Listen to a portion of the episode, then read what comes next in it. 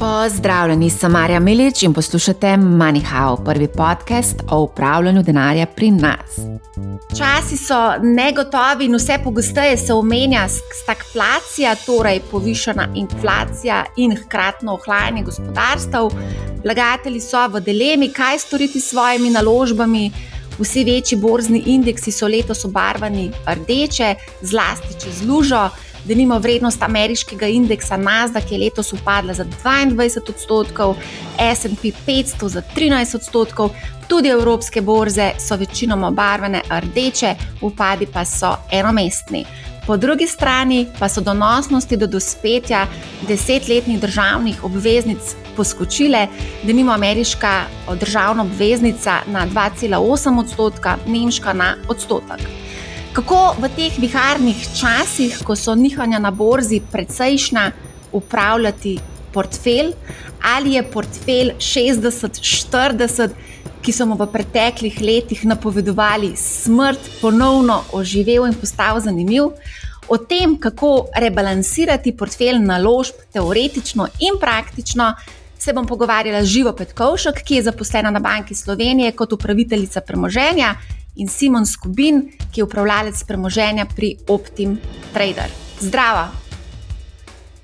Živijo. Živijo. Živa, mogoče prvo vprašanje za tebe, si upravljalka premoženja na Banki Slovenije. To je v bistvu smo imeli eno debato pred samim vklopom. Je Simon vprašal, kakšno premoženje upravljaš, kaj upravljaš, kako izgleda tvoj delovnik. Živijo. Ja, jaz sem na Banki Slovenije v odseku upravljanja premoženja zaposlena predvsem kot uh, matematičarka, ker sem po izobrazbi finančna matematičarka. Zato sem bolj ali manj zadolžena za kvantitativno podporo procesom upravljanja. Uh, je pa en del mojih zadolžitev tudi uh, samo upravljanje in sicer sem odgovorna za dva portfelja, za uh, obveznic, ki ga pa so upravljam še z ostalimi uh, svojimi sopravitelji. Torej, zelo budno spremljaš dogajanje na obvezniškem trgu. Se je malo prebudilo, je zdaj bolj zanimivo, kot je bilo mogoče prej? Ja, definitivno. Ne? Zdaj, ko so donosi pozitivni.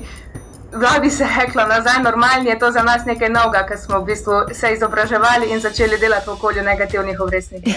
Simon, kako v ti kaj Evo, zelo v redu, hvala, hvala da vprašaš, Marja. Z veseljem. Ti si tudi upravljalec premoženja, katero premoženje ti upravljaš, kako izgleda tvoj delovnik. Tako, mislim, jaz tudi upravljam, tukaj gre za individualno upravljanje. Uh, je pa to mogoče malo drugače kot v vzajemnih skladih, tukaj ni nobenih naložbenih politik, tako da smo, sem dejansko lahko izpostavljen na tisto, kar želim. V tem primeru jaz recimo obvezniš, obveznic ne tikam in po mojem tudi v naslednjem času zelo dvomim, da jih bom, mogoče do konca leta kaj, ampak večinoma je vse to na delniške trge in še posebej v zadnjem času, recimo, da imaš temu uh, surovinske delnice, ki so trenutno vroče. No, vse to bomo potem malce več povedali, kaj je vroče in česa se seveda mogoče ne splača dotikati, oziroma se splača izogibati. Pa dajmo najprej ta teoretični del se dotakniti. Živa bova kar mi dve potem začeli to debato.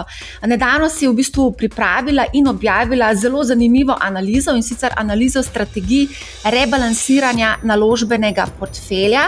To si opravila na lastno raziskovalno pest in to ni publikacija Banke Slovenije, čeprav ta analiza je dostopna na spletnih straneh Banke Slovenije. Pa če nam lahko razložiš, zakaj si se sploh lotila to vrstne analize in kaj si v bistvu s to analizo želela pokazati. No, vse motivacija ne je bila zato, ker pač pri nas vse upravljanje premoženja dejansko nalagamo en del naložb v delnice. In smo želeli v bistvu raziskati, ne, kakšno strategijo bi rebalansiranja bi mi morali, kakšni rebe, strategiji rebalansiranja bi mi morali slediti, ne, uh, da bi ohranjali naš ciljni delež delnic v portfelju. Zato smo pregledali kar velik oziroma obsežen nabor uh, teoretičnih prispevkov, kjer nas je predvsem zanimalo to, kakšne strategije uh, rebalansiranja obstajajo in če obstaja kakšen konsens glede optimalne strategije rebalansiranja. To pa smo potem za naš konkreten primer ne želeli uh, preučiti z lastno kvantitativno analizo In ja, izkazalo se je eno, da je v bistvu to vprašanje zelo zanimivo, uh, doskrat uh, diskutirano tako med teoretiki kot tudi praktiki. In zato smo se potem na koncu odločili, da neke te splošne zaključke objavimo v obliki raziskovalnega prispevka, ki ga je na koncu Banka Slovenije izdala v svoji zbirki raziskav. Je pa tako, kot si omenila, ne vseeno, to so pač moji lastni zaključki, odražajo moje stališče, ne stališče Banke Slovenije ali pa Eurosistema. Še mal disclaimer je za konec, da se hecam.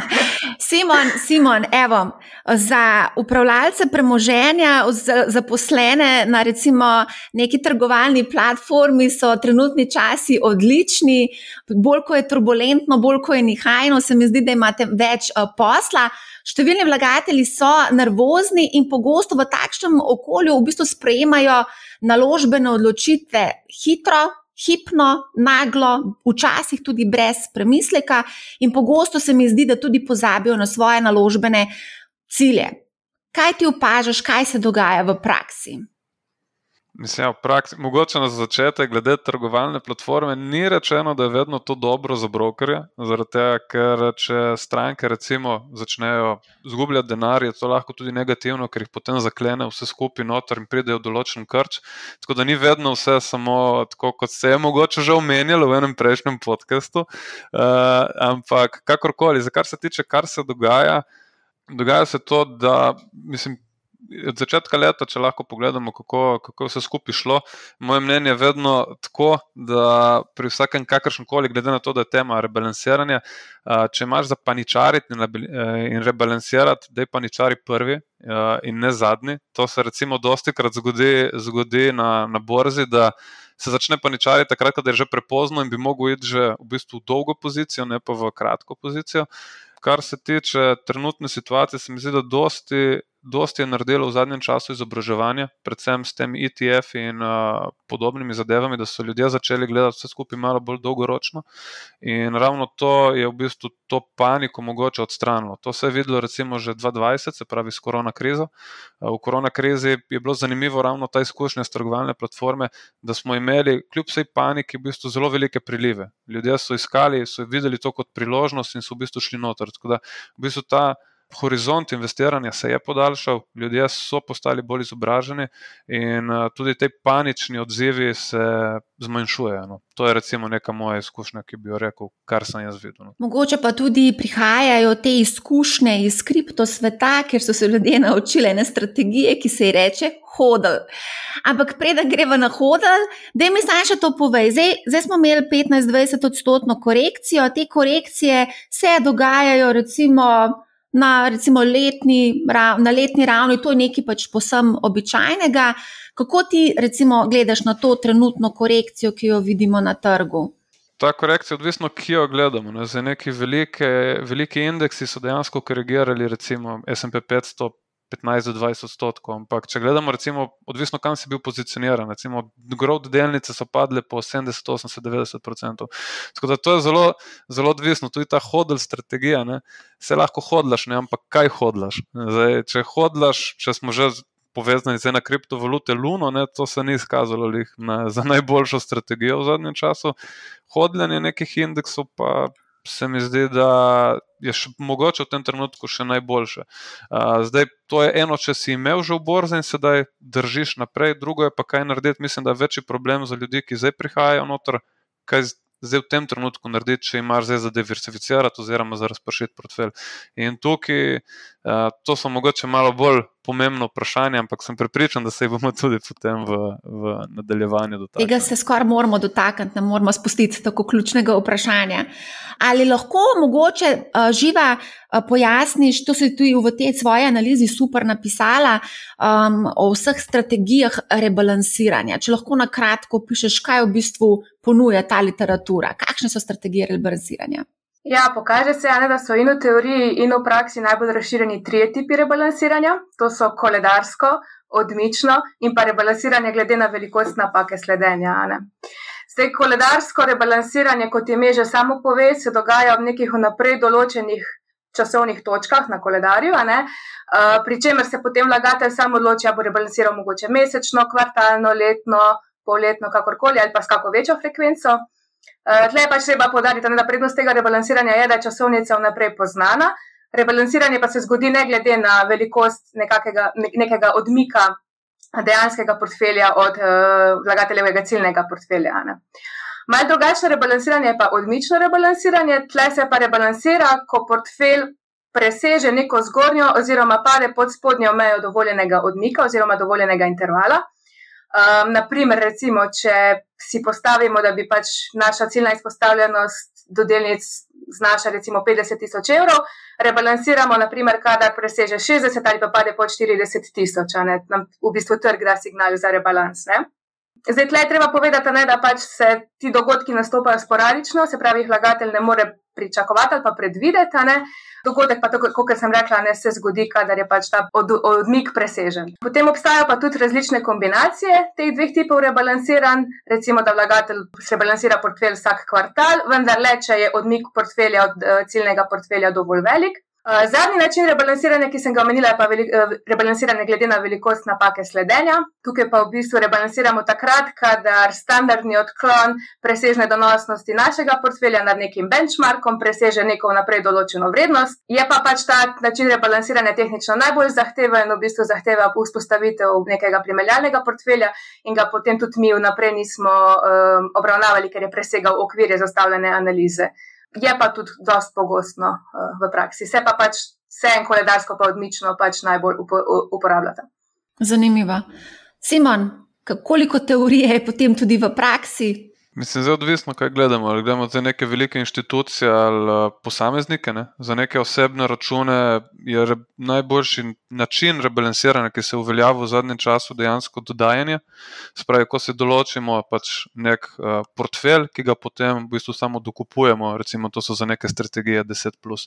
Za kar delajo pa velike inštitucije, pa zdaj zelo odvisno. Zdaj, te velike iz tujine so dosti krat vezane na neko koledarsko rebalansiranje, ali to kvartalno ali mesečno. Kakšne institucije so pač aktivne, kar pomeni, da zelo aktivno trgujejo, je pa to vedno odvisno tudi od prospekta. Se pravi, vedno obstajajo neka pravila, koliko morajo biti določeni skladi, recimo, investirani, in potem je ta rebalans tudi od tega odvisen. Zdaj, če imaš recimo v prospektu zapisano, da moraš biti 70% investiran v delnice, potem moraš na nek način to vzdrževati. Ne moreš iti recimo 100% v denar, kot lahko grem recimo jaz na osebnem upravljanju. In uh, to potem moraš biti malo bolj, če hočeš prepoznati oziroma izkoristiti pace in skoke, moraš potem recimo v pacih večino delnic dati v kakšne potrošne dobrine, kot so recimo kakšne tobačne delnice, prehrambene industrije in podobno. V času, ko gremo na vzgor, pa v delnice, kot so recimo Tesle in podobne zadeve, ki imajo pač ta vzvod, uh, dosti večji. Da, zelo odvisno od uh, posamezne inštitucije, bi pa rekel, da se večina vse te, te velikih drži neke vrste kakšnih pokojninskih skladov se drži nekega koledarskega ali pa letnega rebalansiranja in uh, v bistvu imajo zelo majhno aktivnost in pač to samo letno na nekih naložbenih odborih malo prilagodijo in potem to spremenijo. Ja. To pa lahko tudi zelo vpliva na našo pokojnino, če gledamo na nek dolgi rok, da te poteze, recimo, ne bi bile pravočasno sprejete ali No, ja, tudi to smo že se pogovarjali o tem, kakšne so v bistvu sploh možnosti upravljalcev premoženja, da v bistvu uh, prilagajajo portfelje nekim takim situacijam, kot je bila recimo zdaj vojna, ki smo imeli. Ne. Tudi to je bila ena tako zanimiva debata. Um, Živa, ti si tudi pregledala vso literaturo na to temo rebalansiranja in zdaj avtori se seveda v nekaterih točkah strinjajo, v nekaterih se ne. Kaj si ugotovila? Eh, literatura na temo rebalansiranja je precej obsežna, kot sem omenila. Ne? Mi smo se pač pri pregledu literature fokusirali predvsem na iskanje odgovorov na dve ključni vprašanji in sicer, kakšen je vpliv rebalansiranja na ključni karakteristiki portfelja, kot sta donosnost in tveganost. Pa potem tudi, če med avtorji obstaja nek konsens glede obstoja univerzalne, optimalne strategije rebalansiranja. Ne? In zdaj, kar sem ugotovila, je to, da so mnenja glede vpliva rebalansiranja na samo donosnost portfelja deljena, medtem ko nekateri avtori trdijo, da je donosnost izboljšana, kadar portfelj rebalansiramo. Po pre, naši pregledani literaturi večina avtorjev meni, no, da je uh, vpliv rebalansiranja na donosnost portfelja negativen in sicer, da, pač, da jo zmanjšuje. Se, v bistvu to je na nek način tudi skoraj logično, zakaj? Ne, ker je pač rebalansiranje v bistvu neka aktivna strategija upravljanja premoženja, s katerim pač prodajamo bolj donosne naložbe oziroma naložbene razrede in kupujemo pač, oziroma povečujemo izpostavljenost do tistih manj donosnih. Eh, predvsem se pa pač to, da je rebalansiranje negativno vpliva na donosnost portfelja, izkaže na, na analizah, ki so bile delane na daljših časovnih obdobjih in so v bistvu izuzele mogoče neko pristranskost, ki bi pač nastopila, če bi delali rebel, eh, analizo na podlagi nekega krajšega specifičnega investicijskega obdobja. Ne. Po drugi strani no, so si pa avtori uh, zelo enotni glede vpliva rebalansiranja na tveganost portfelja. In sicer vsi po vrsti ugotavljajo, no, da Eh, je to res ena učinkovita metoda za nadzor, ohranjanje in celo zmanjševanje tveganosti portfelja. To je pa v bistvu tudi njegova ključna naloga, ne, ne zdaj maksimizacija donosnosti, ampak sama omejevanje oziroma nadzor nad portfeljsko tveganostjo. Glede optimalne strategije rebalansiranja pa tako, ne, v splošnem je bila ugotovitev, da univerzalna strategija rebalansiranja, ki je bila optimalna za vse vlagatelje, seveda pač ne obstaja. Ne in da je pač izbor optimalne strategije precej odvisen tudi od predpostavk, na katerih temelji analiza teh avtorjev. Zdaj, nekateri avtori potem dajo prednost koledarskim strategijam, drugi odmičnim, pa še tukaj znotraj teh razredov niso, si niso enotni, pri katerem parametru, se pravi, pri kateri frekvenci oziroma pri kakšnem dovoljenem odmiku dosežemo optimalnost. Polje pa tle še tretja skupina avtorjev, ki pa v bistvu ugotavljajo, da uh, so razlike med strategijami rebalansiranja zelo, zelo majhne in da v bistvu na koncu sploh niti ni tako pač pomembno, katero strategijo potem uh, vlagatelj izbere, glavno da rebalansira. Odlično živa. Simon, a ni to super, da je živa s kolegi pregledala vso literaturo in nam zdaj v treh minutah vse povedala, kaj obstaja, kje v katerih točkah se strinjajo, v katerih se ne strinjajo, univerzalni portfelj, optimalni portfelj. No, da še ti povej. Imamo univerzalni portfelj in optimalni portfelj v praksi. Mislim, jaz, mislim, da je predvsem odvisno od časovnega obdobja. Mislim, da je bilo notor v tej študiji povedano, če gledamo zdaj portfelj 60-40 uh, delnice obveznice, da ukolikor ne bi rebalansiral, bi imel v tem trenutku 99 in nekaj procenta delnic v portfelju, kar dosti pove o donosnosti. Uh, tako da zdaj te 60-40 portfelji dejansko znižajo volatilnost, se pravi neko tveganje, ampak ti poberejo tudi veliko donosa. Tako da jaz za vse dolgoročne portfelje zdaj predvsem neko. Diverzifikacijo, pa tukaj me lahko zdaj citirate, to je samo moje mnenje, ni zdaj, da, da, želim, da želim karkoli drugega. Ampak uh, imeli smo recimo 40-letno bull market na obveznicah in še zmeraj v bistvu obveznice držijo neke donose nazaj. Ne. Tako da jaz bi mogoče neke te portfelje drugače strukturiral, to je vsaj uh, moje mnenje. Je pa en pomemben vidik teh, uh, tega rebalansiranja, predvsem na osebnih računov, so te stroške. Ne. Zdaj, tukaj imajo vzajemni skladi, imajo veliko prednost, zakonodaja je pisana na kožo vzajemnim skladom, ker ti lahko znotraj rebalansiraš, brez da ustvarjaš davčne dogodke. In če imaš dejansko v vzajemnih skladih nekoga, ki zna to dobro delati, potem boš v bistvu nadpoprečno donosen. Zdaj, problem je pri vzemnih skladih, ker jih je večinoma klozet indeksni skladi, oziroma klozet vzemni skladi se kličejo, kar pomeni, to so skladi, ki so pod narekovaji aktivni, v bistvu pa samo kupijo ETF sklade in jih držijo za vas. In to potem seveda ne more outperformati marketa. Uh, tako da za osebne račune je pa lih to problem. Ne? Ti vsak, vse, kar prodaš, plačaš davek in potem, če pa to enkrat začneš vključevati noter v analizo, potem je pa res težko uh, zelo težko priti do kakšnega spoznanja, ali je dobro rebalansirati ali ne. Po mojem je veliko bolj pomembno, kako ti v začetku zastaviš portfelj, če ga potem naknadno dokupuješ. No, to bi bilo moje mnenje. Ti si rekel, da bi drugače zastavil portfelj. Ne morem, ne morem imeti tega, da ne bi povedal, kako. E, bi z veseljem.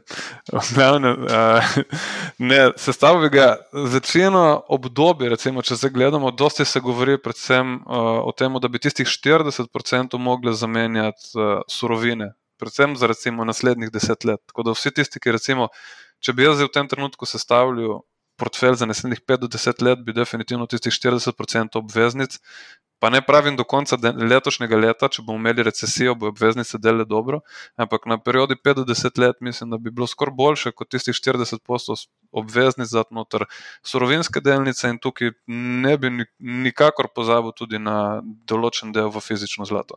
In to bo, po mojem, na 5-10 letih, glede, če gledamo periode, ki so ne bom rekel identične današnjim, ampak uh, recimo perioda 1930 do 1940, 1970 do 1980 in 2000 do 2010 so v bistvu bile te periode, ko so surovine delale primerjalno veliko boljše kot delniški skladi.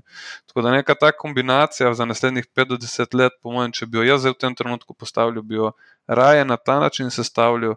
Kot pa mogoče z obveznicami, je pa sedaj vedno vprašanje, kot sem že prej rekel, ne, ali ti postaviš sedaj vse naenkrat noter, in potem dokupuješ, ali pa boš samo enkrat to dal noter. Če bi imel samo za enkrat dati noter, potem bi definitivno dal, razdelil več različnih vstopov. Recimo zdaj, recimo na tri vstope, pa daš potem ločeno in s tem v bistvu to volatilnost uh, ujameš nekje na sredini.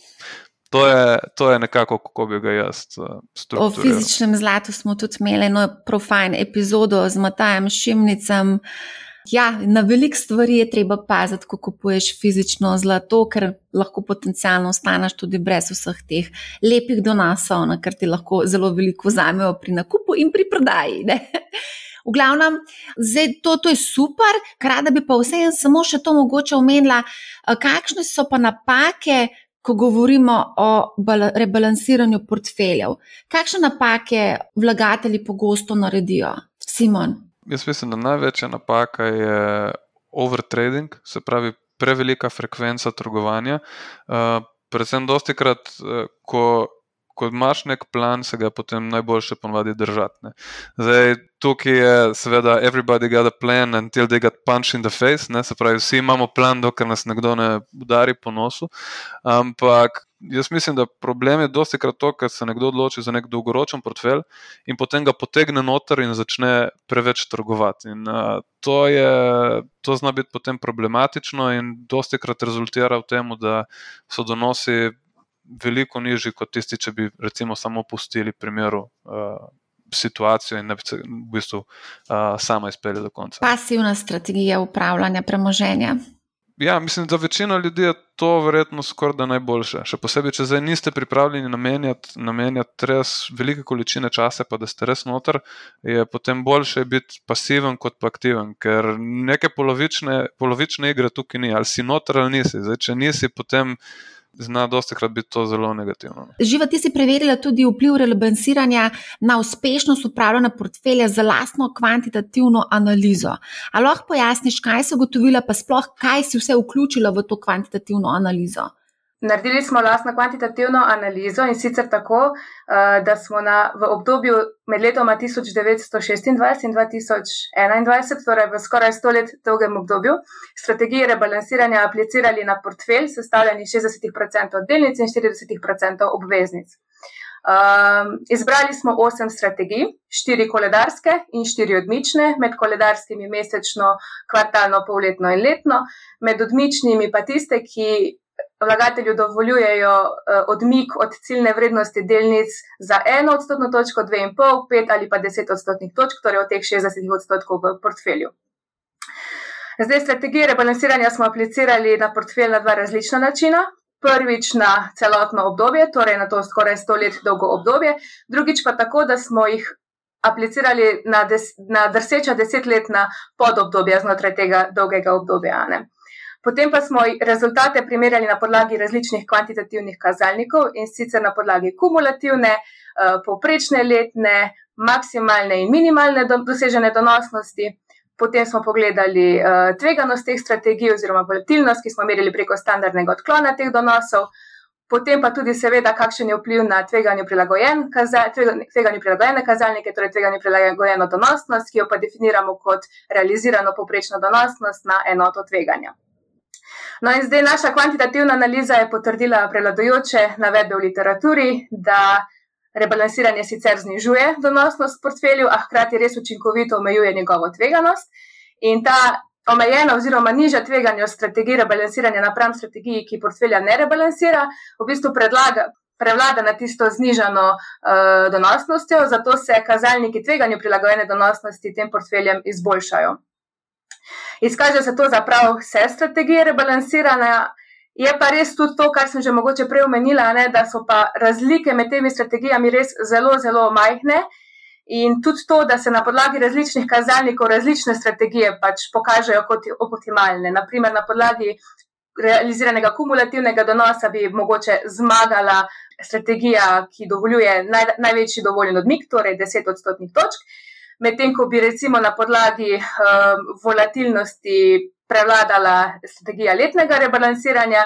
Z vidika maksimalne dosežene donosnosti, naprimer pa strategije, strategiji polletnega in pa kvartalnega rebalansiranja. Skratka, pač nobena strategija ne dominira nad ostalimi na, na podlagi vseh ostalih kazalnikov.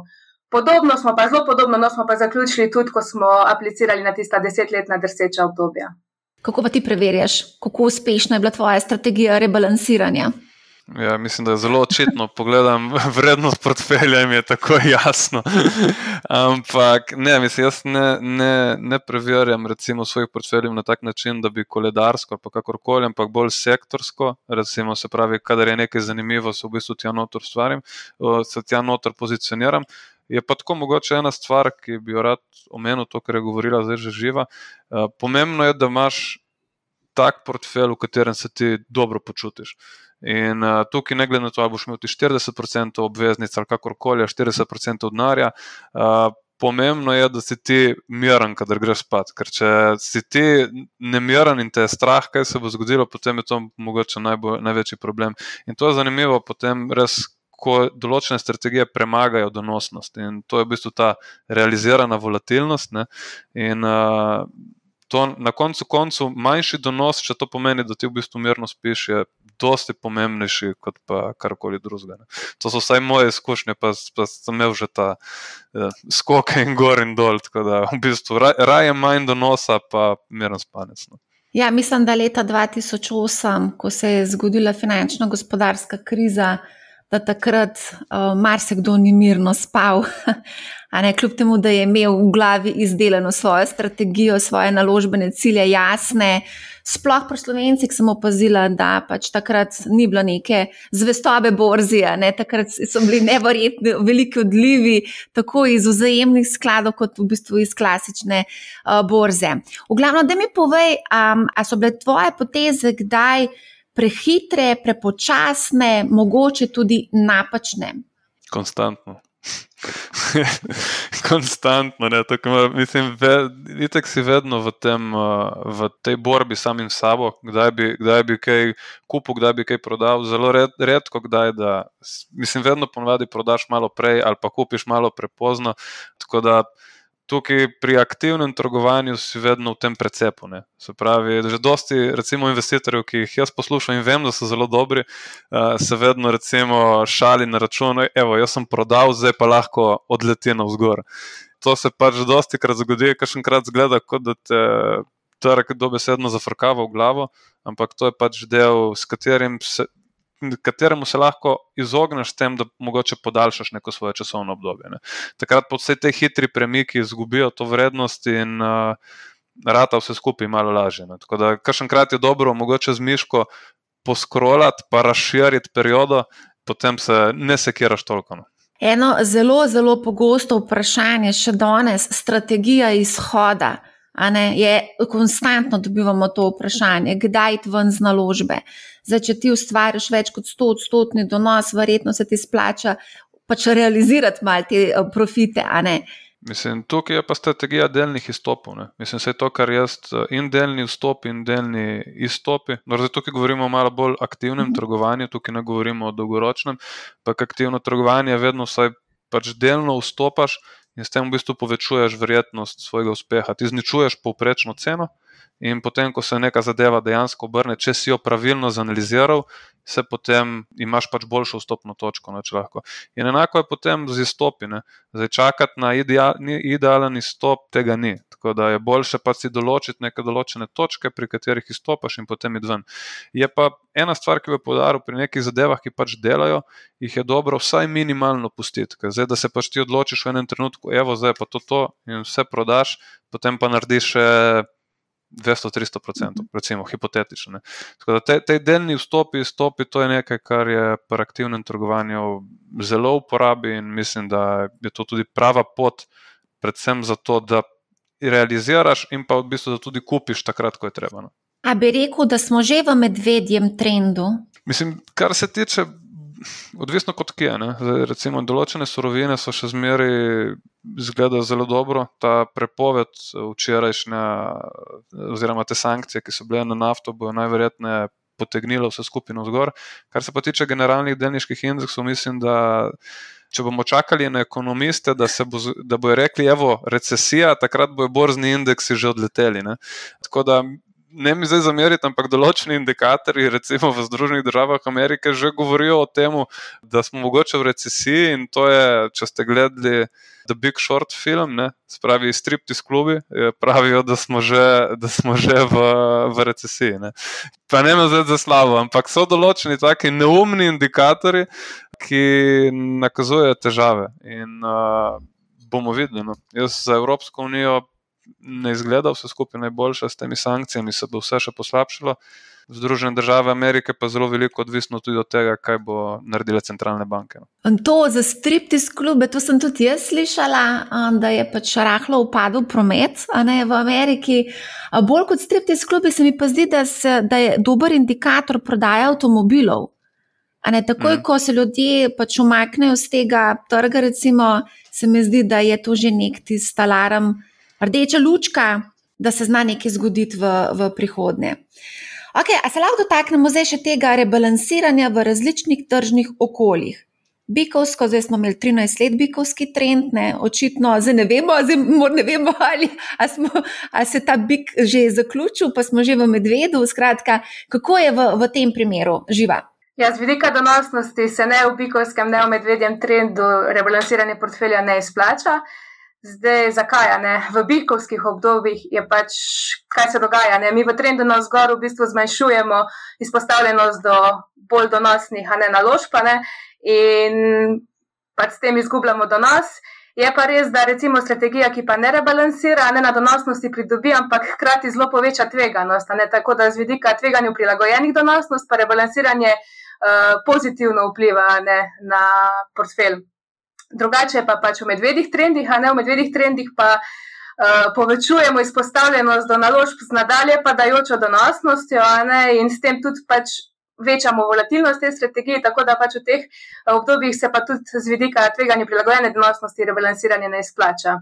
Se pa recimo rebalansiranje tako z vidika donosnosti, kot tveganje prilagojene donosnosti izplača pa v teh obdobjih, ki pa so mogoče brez neke prave tržne smeri, ne, sideways obdobja so to, Zakaj ta obdobja so praviloma dost volatilna ne, in se da z rebalansiranjem izkoristiti to lastnost, da vračanja k dolgoročnemu portfelju, no to min reverting lastnost ne, in se pač eh, na nek način dajo ustvarjati neki presežni, sicer omejeni ti donosi, a na naši analizi ugotovljeno, da pozitivni. Evo, Simon, kako je pa prvs v medvednjem in bikovskem trendu v praksi?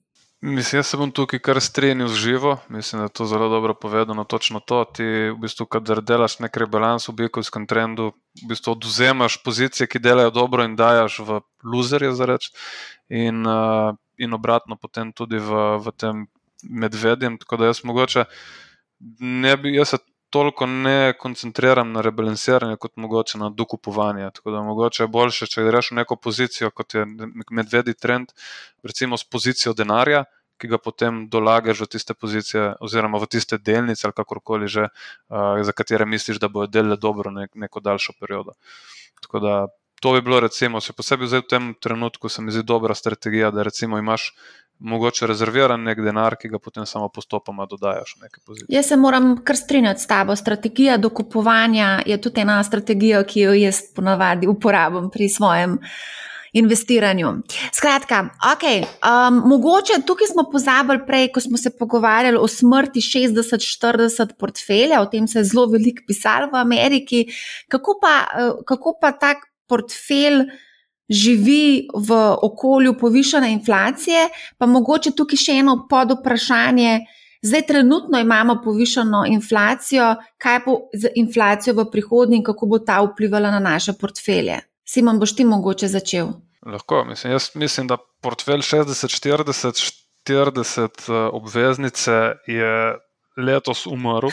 Zdaj bomo videli, kaj se bo zgodilo. Mislim, da so imeli obveznice najslabše donose v zadnjih, res niti ne vem, kam gre to štetje nazaj.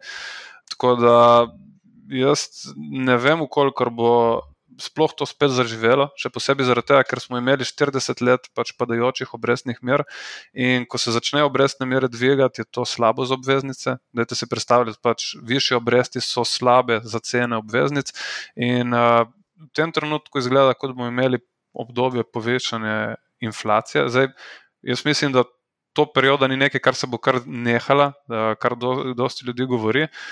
Še posebej to zmanjšanje globalizacije bo vplivalo inflacijsko in tudi ta investicijski cikl v surovine bo vplival inflacijsko. Bomo pa po mojem imeli te periode pacev, kar pomeni, da bo sicer inflacijski trend, ki bo imel te deflacijske periode, zaradi tega, ker bo prišlo do pregretja. To je recimo nek, nek moj take. Uh, je pa tako, da predvsem zgleda ta deflacijska perioda, recimo do konca leta. No. To, to je, kar se meni je deflacijska tuk, perioda? Uh, deflacijska v, v viziku tega, da bi lahko obrestne mere šle na vzdolj, ker se pričakuje pač uh, recesija in v recesiji uh, je pod narekovaji, se bo to zgodilo, drugo vprašanje, ampak bondi, spravi obveznice, bi znali delati uh, dobro od sedaj naprej. Ali vi, da pričakujete recesijo še letos, živa? Na, na obvezniškem trgu, kako gledate na prihod recesije, na povišeno inflacijo? Ne, že tega ne morem, da smem komentirati, tako da mogoče kar simo naj.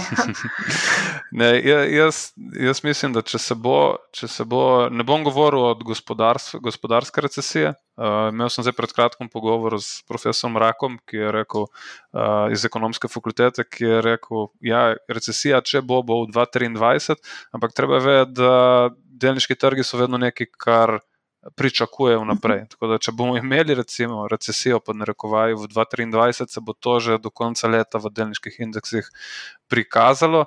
In v tistem trenutku, ko vam ko rečejo, ko bojo rekli ekonomski, ekonomski uradi, uh, evo, recesija, takrat mislim, da je čas, da začnete razmišljati o nakupih. No. Ja, ja. Uh, da... ja des, definitivno pridejo te vsi razni, razne ugotovitve statistične, ki jih objavljajo razne te inštituti z zelo velikim zamikom.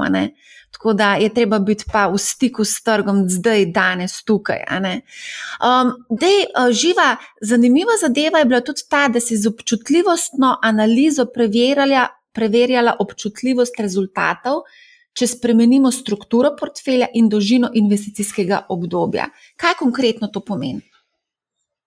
Res je. Uh, zdaj, primarni cilj te občutljivostne analize je bilo zagotoviti, da mi ne bi nekih splošnih zaključkov postavljali na podlagi rezultatov, ki jih dobimo, uh, kadar sami arbitrarno določimo parametre. Ne. Zato smo v ta namen um, alternirali uh, te parametre, ki se jih je dalo, recimo um, dolžino investicijskega obdobja, strukturo portfelja, kot si omenila pa tudi mogoče v osnovni analizi smo te meje dovoljenega odmika postavljali simetrično, pa smo potem pogledali, kaj se zgodi, če pač postavimo različne meje za navzgor ali navzdol. Na koncu pa smo v bistvu še um, zato, da ne bi pač sklepali na podlagi zgolj ene realizacije delniških donosnosti, simulirali uh, te delniške donosnosti in preverili tudi na različnih uh, dru drugih um, trajektorijah uh, samega realiziranega donosa. Ne. In zdaj glavna ugotovitev je bila ta, ne, da pri vseh parametrih, ki smo jih preverili, so se rezultati niso um, dost um, spremenili, torej so zaključki ostali praktično nespremenjeni in s tem torej se je potrdilo, da so rezultati naše osnovne analize kar precej robustni. Evo, no, Simon, kako, kako zdaj ti gledaš na to zadevo? Sprememba portfelja, rekla smo, dokupovanje, kaj pa recimo dolžina investicijskega obdobja, da recimo tako kot stanovanski kredit iz 20 let na 30 let podaljšaš. e, mislim, to, to je itek konc koncev še, mislim, da najbolj pomembno pri vsakem, pri vsakem začetnem planu, ne, te finančne črte, ki se delajo. Je vedno odvisno, kako boš ti sestavil, glede na koliko časa si pripravljen investirati. Ne. In tukaj se potem tudi spremenja, kaj daš noter, kako daš noter. Da, tukaj v bistvu nimam prav kaj dosti dodati uh, na, na vse, kar je povedala živa, in se moram kar, kar strinjati, tukaj perioda je v bistvu najpomembnejša zadeva pri vsaki, struktu, pri vsaki strukturi, no, oziroma karkoli že delaš. Zdaj, aktivnost, pasivnost, nekaj smo o tem že povedali. Um, pas, ti si, Simon, če sem prav razumela, zagovornik pri dolgoročnem investiranju bolj pasivnega investiranja, um, medtem ko verjetno tisti, ki, želijo, ki se želijo malo bolj profi ukvarjati s tem, pa mogoče aktivno, ampak nekako na dolgi rok, oziroma pod črto, kdo več ustvari. To je ta bitka med pasivnim in aktivnim. A upaš povedati? Mislim, tako vam rekel, če bi gledali celoten, celotno tortico, potem je definitivno boljše, boljše biti uh, dolgoročen, ampak so pa tukaj seveda izjeme. Zdaj, so zelo dobri mali vlagatelji, ki močno outperformajo trg. Uh, imamo profesionalne vlagatelje, ki močno underperformajo trg, uh, tako da tukaj nekega pravila ni. Uh, bi pa rekel, da je tukaj predvsem časovna komponenta. No. Če si pripravljen uložiti čas, potem je aktivno trgovanje lahko zelo v redu. Če pa pač s tem, se s tem ne želiš ukvarjati, nimaš časa, potem nimaš v aktivnem. Trgovanju, kaj početi. No. To je moje mnenje. No. Živa, ste mogoče bi tudi kaj preverjali, kako to vpliva Ne, zdaj konkretno ne, ampak pač, kar bi rada pri tem povdarila, je, ne, da pač tisti, ki se mogoče pasivno uh, ukvarjajo, oziroma se ne ukvarjajo z rebalansiranjem portfelja, pač njihova ključ, njihovo ključno tveganje je, da se pač lahko v nekem daljšem oziroma v nekem pač investicijskem obdobju uh, te zaradi premika tržnih vrednosti pač njegova struktura tako spremeni, da ne odraža več osnovnih karakteristik portfelja, ne, ki si jih je vlagatelj postavil na začetku, torej predvsem pričakovane donosni, donosnosti pa preference po tveganju. Ne. Po drugi strani pa preaktivni vlagatelji, kot je Simon zdaj že večkrat povedal, tudi ne pa pač. Sicer vztrajno in zorno vzdržujejo svojo strukturo portfelja, ampak pri tem mogoče povzročajo neke velike stroške, ki so morda celo nerazumni, pač glede na to, da uh, v povprečju, kot je kvantitativna analiza pokazala, a ne pač razlik potem ni. No, to se mi zdi zelo pomemben point, da so lahko tudi potencialno višji stroški, ki jih pogosto ja, zanemarimo, ne konc koncev. Prav tukaj so stroški, predvsem na davčni zakonodaji. Ne. Se zdaj stroški provizije in podobne zadeve, to je šlo že močno navzdol. Je pa tako, da zakonodaja je napisana zelo neprilagojeno uh, osebnim računom, In predvsem ta davčni vidik je zelo problematičen. Zelo, zelo problematičen. Bomo tudi videli, kako bo postal problematičen v prihodu nove vlade, kar bomo pol malce pokomentirali. Živa, vi ste tudi pogledali, kako rebalansirati portfelj s čim manj dodatnih stroškov in na kaj moramo vse paziti. Ja, res je. Zdaj, glavni problem kvantitativnih analiz je v splošnem to, ne, da pač te stroške težko vključujejo, ker jih je zelo kompleksno določiti, sploh za historiko nazaj. In um, so pa vseeno pač zelo, zelo pomemben faktor pri končnem izboru strategije rebalansiranja. Ne. Mi smo identificirali dve skupini stroškov in sicer realne stroške ter oportunitetne stroške. Med realne stroške smo vrstili torej davke, kot ste že omenila, potem pa tudi transakcijske stroške in pa stroške samega dela, ki pač pritičajo rebalansiranju. In zdaj z vidika vseh treh, ne, tako davkov, uh, transakcijskih stroškov in stroškov dela, ne, se izkaže, da so pač večji. Takrat, kadar bolj pogosto rebalansiramo, bodi si je pač frekvenca rebalansiranja večja, oziroma dovoljujemo daljš, eh, manjši dovoljen odmik, Uh, in iz tega vidika, torej z vidika stroškov, se potem nagibamo k bolj uh, ohlapnim strategijam, torej strategijam, ki ne rebalansirajo tako pogosto. To so med koledarskimi mogoče polletna, letna, uh, med odmičnimi pa tiste z večjim dovoljenim odmikom. Med oportunitetne stroške no, pa vrščamo te donose, ki jih potencialno izgubimo, ne, če ne sledimo neki strategiji rebalansiranja. In tukaj je pač treba povedati, ne, da pri odmičnem rebalansiranju tle v bistvu pravzaprav aktivno upravljamo premoženje, ne, ker naložbe kupujemo, ko je njihova vrednost nizka in jih prodajamo, ko je njihova vrednost ne, uh, visoka. In s tem pač mogoče lahko tudi izkoristimo kako pač priložnost na trgu. Po drugi strani je pa pač časovnica pri koledarskem rebalansiranju naprej določena in kot taka je koledarsko rebalansiranje povsem togo na tržne spremembe. Tako da tukaj pa mogoče lahko koledarsko rebalansiranje mečken zamuja. Ne? Simon, am ti vi, ko rebalansirate, oziroma kateri rebalansiraš, si tudi verjetno predvidevam pozoren na stroške. Zdaj, omenjali smo že davčne oaze, vzajemne sklade, kako se lahko lepo znotraj krovnega sklada premikaš levo in desno. Pri recimo konkretno ETF-ih, delnicah je pač treba, v bistvu nastane do, davčni dogodek in vsi vemo, kako je z davki potem naprej. Ja, se, se ni samo, če bi bilo mogoče samo davki, znotraj predvsem pri delnicah in, in uh, ETF-ih, se pravi indeksnih skladih, je še ta 30-dnevni rok, recimo, na katerega veliko vlagateljev, za katerega ne ve. Če ti prodaš izgubo določeno delnico, je potem naslednjih 30 dni ne smeš kupiti, ker drugače se ta minus ne upošteva. To je zakonodaja, ki so jo sprejeli na Ministrstvu za finance in sem dokaj prepričan, da tisti, ki jo sprejel, sploh ne razume, zakaj se gre. To pač moram povedati, to sem se mogel zdaj izkašljati. In žal je tako, da niti ne vem, če bomo kadarkoli prišli do tega, da se recimo neke take zadeve vržejo ven. Ne? Ker to je pač popolno, popolnoma nepisano na, na, kožo, na kožo trgovanju privatnim osebam. Yeah. No. Tako da jaz mogoče bolj kot stroške, stroški, stroški provizije in podobne res prihajam tudi iz trgovalne platforme, ampak so šli toliko dol, da mogoče te stroške niti niso več tako problematični, kot so te davčni vidiki in zakonodajni vidiki. No. To zna ustvariti uh, veliko več problemov, ker smo imeli recimo situacije, katere je recimo stranka naredila 100 tisoč evrov, da ne rečem 50 tisoč evrov minusa, na koncu pa plačala uh, 30 tisoč evrov davka. To, je, to, to, to ne obstaja nikjer, kot samo v Sloveniji. No. Zdaj, verjetno sta bila tudi pozorna, ko imamo pač v vlado v nastajanju ministre za gospodarstvo, ministr za finance. Vsi napovedujejo neke nove, više obdavčitve kapitalskih dobičkov.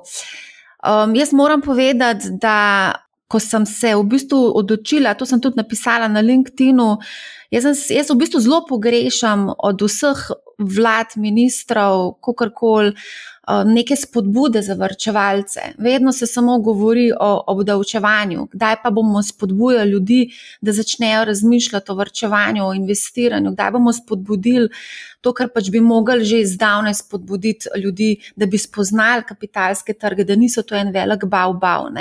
In da bi seveda znali investirati, ne pa da kupičimo denar na bankah. Oziroma, investiramo samo v nepremičnine, ker mislimo, da znamo investirati v nepremičnine. Uh, Tako da, um, pa še to bi rada povedala. Recimo, pred 15 leti, več kot 15 leti, sem se jaz načrtno odločila, da del svojega razpoložljivega dohodka namenim investiranju. Se pravi, sem rekla, ne bom ta denar potrošila danes, ampak ga bom čez 20, 30 ali 40 let potrošila.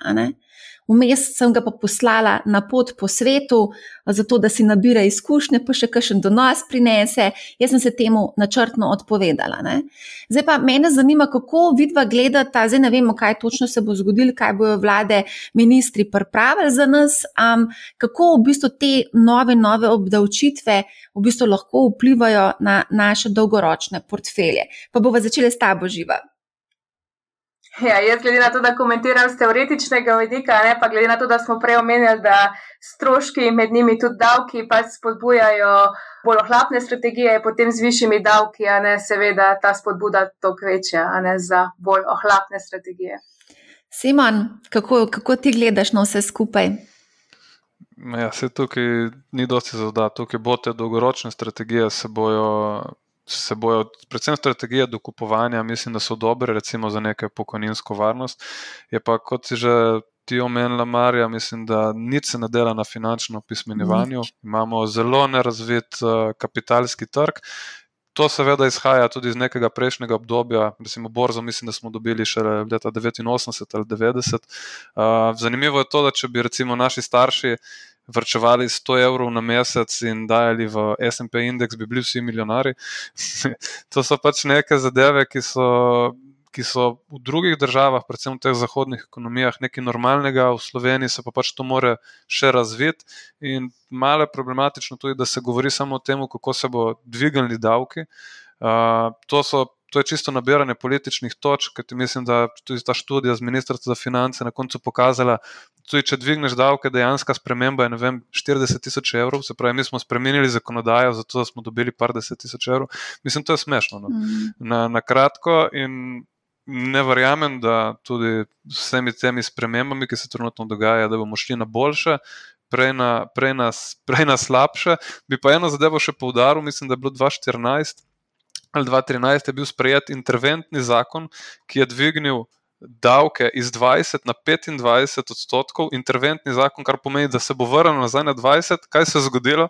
Dvigali smo na 27,5, kar je, mislim, obstaja določena meja, dokjer lahko zaviraš celoten kapitalski trg, in mislim, da je to kar problematično. No.